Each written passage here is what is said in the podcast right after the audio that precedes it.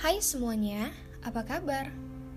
Semoga untuk semuanya selalu dalam keadaan baik-baik aja dan yakin bahwa Tuhan selalu bersama kita.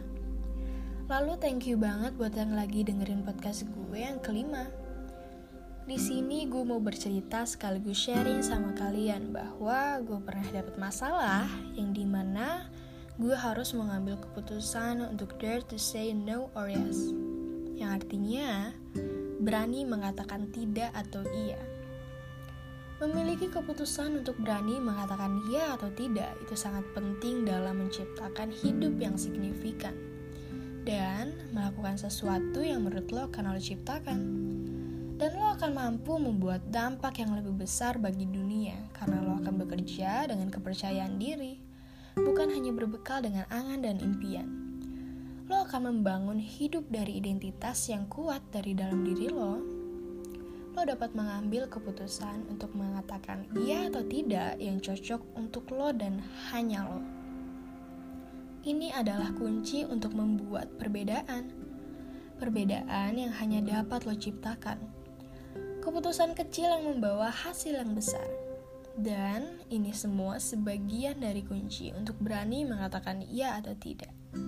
To the pointnya gini ya, buat apa sih lo tuh takut untuk berani mengatakan iya atau tidak terhadap masalah atau mungkin orang yang bikin lo tertekan?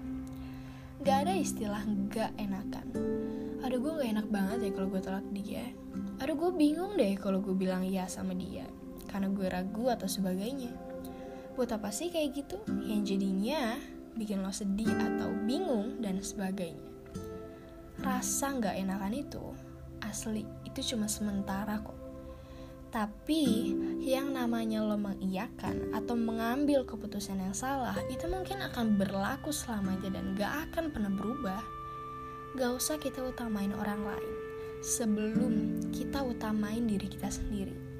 Karena faktor dari semua ini yang bisa utamain diri kita ataupun perasaan kita yaitu cuma diri kita sendiri, bukan orang lain. Jadi stop buat takut ambil keputusan. Dan gak usah takut buat dijadiin bahan gibahan Karena lo berani buat ambil keputusan dari diri lo sendiri.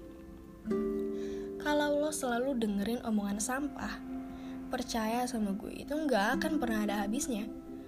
Kalau lo ada di posisi ini Anggap diri lo adalah langit. Dan yakin bahwa kenyataannya Tanah gak akan bisa buat injek langit karena tanah akan terus selalu di bawah dan langit pasti akan selalu berkembang di atas. Siapa pun latar belakangnya, mau dia smart in every way, harus dari keputusan lo sendiri. Yang keputusan itu mungkin dampaknya akan merubah kehidupan lo. Tapi kalau gimana sih caranya kita bisa berani untuk ambil keputusan? Nah, cara yang pertama ketahui keinginan diri sendiri sebelum kita merespons ajakan orang lain. Identifikasi dulu apa yang penting dan apa yang gak penting. Skala prioritas setiap orang itu beda, jadi it's okay kalau kita punya keputusan yang berbeda. Dan yang kedua, jangan FOMO. Ada kecenderungan orang yang segan untuk menolak ajakan.